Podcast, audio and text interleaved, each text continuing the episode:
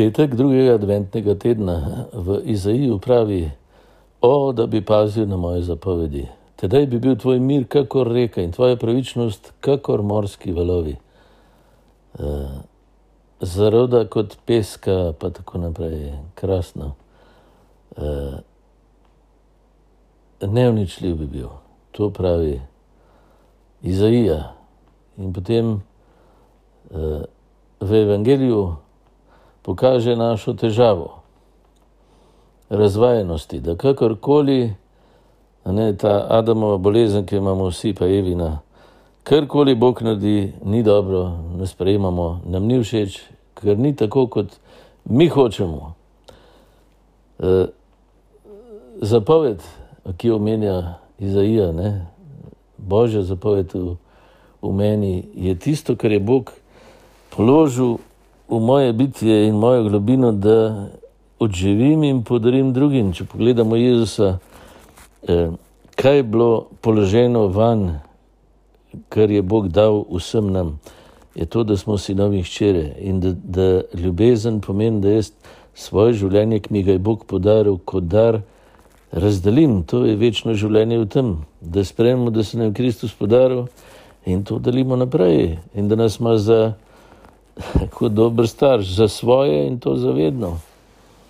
No, to se mi zdi, je ta zapoved. In tle imamo vsi rodovi probleme, ne? ker imamo svoje predstave, kako bi Bog moral to in to, vedno protestiramo. Po logiki grešnega kozla, vedno krivce iščemo druge, od drugih. Zdaj, če gledamo naše politične prostorje, skozi se krivca išče v drugem, kritizira, zavrača. Uh, celo eh, političn, svoj politični program utemeljijo na tem, da so proti nekomu. To je, to je res porazno, to je, to je uničujoče za tiste, ki to živi in tudi za vse tiste, ki morajo to prenašati. In Bog nas pa želi tega osvoboditi, to, to je bolno. Ozdravljen pa kako, ja, da nam pokaže, da nas resnično sprejema, da je dobrohoten, eh, da bi lahko v vsakih, vsakih okoliščinah mi sodelovali s tem, da nam je Bog obračal dobro, da je z nami. In da naš dar lahko v teh okoliščinah, ki so zasije, če se zahvalimo in sprejmemo, ne, ne pa da takoj, ko ni tako, kot si predstavljaš, kot razvajen smrkavc, upiješ cepetaš noriš in protestiraš in zahtevaš glave in tako naprej. To je, to je res tako pubertetno, eh, nezrelo, samo uničevalno v resnici, pa seveda uničujem tudi vse druge. In vsi imamo to skušnjavo, vse, vedno. Ne?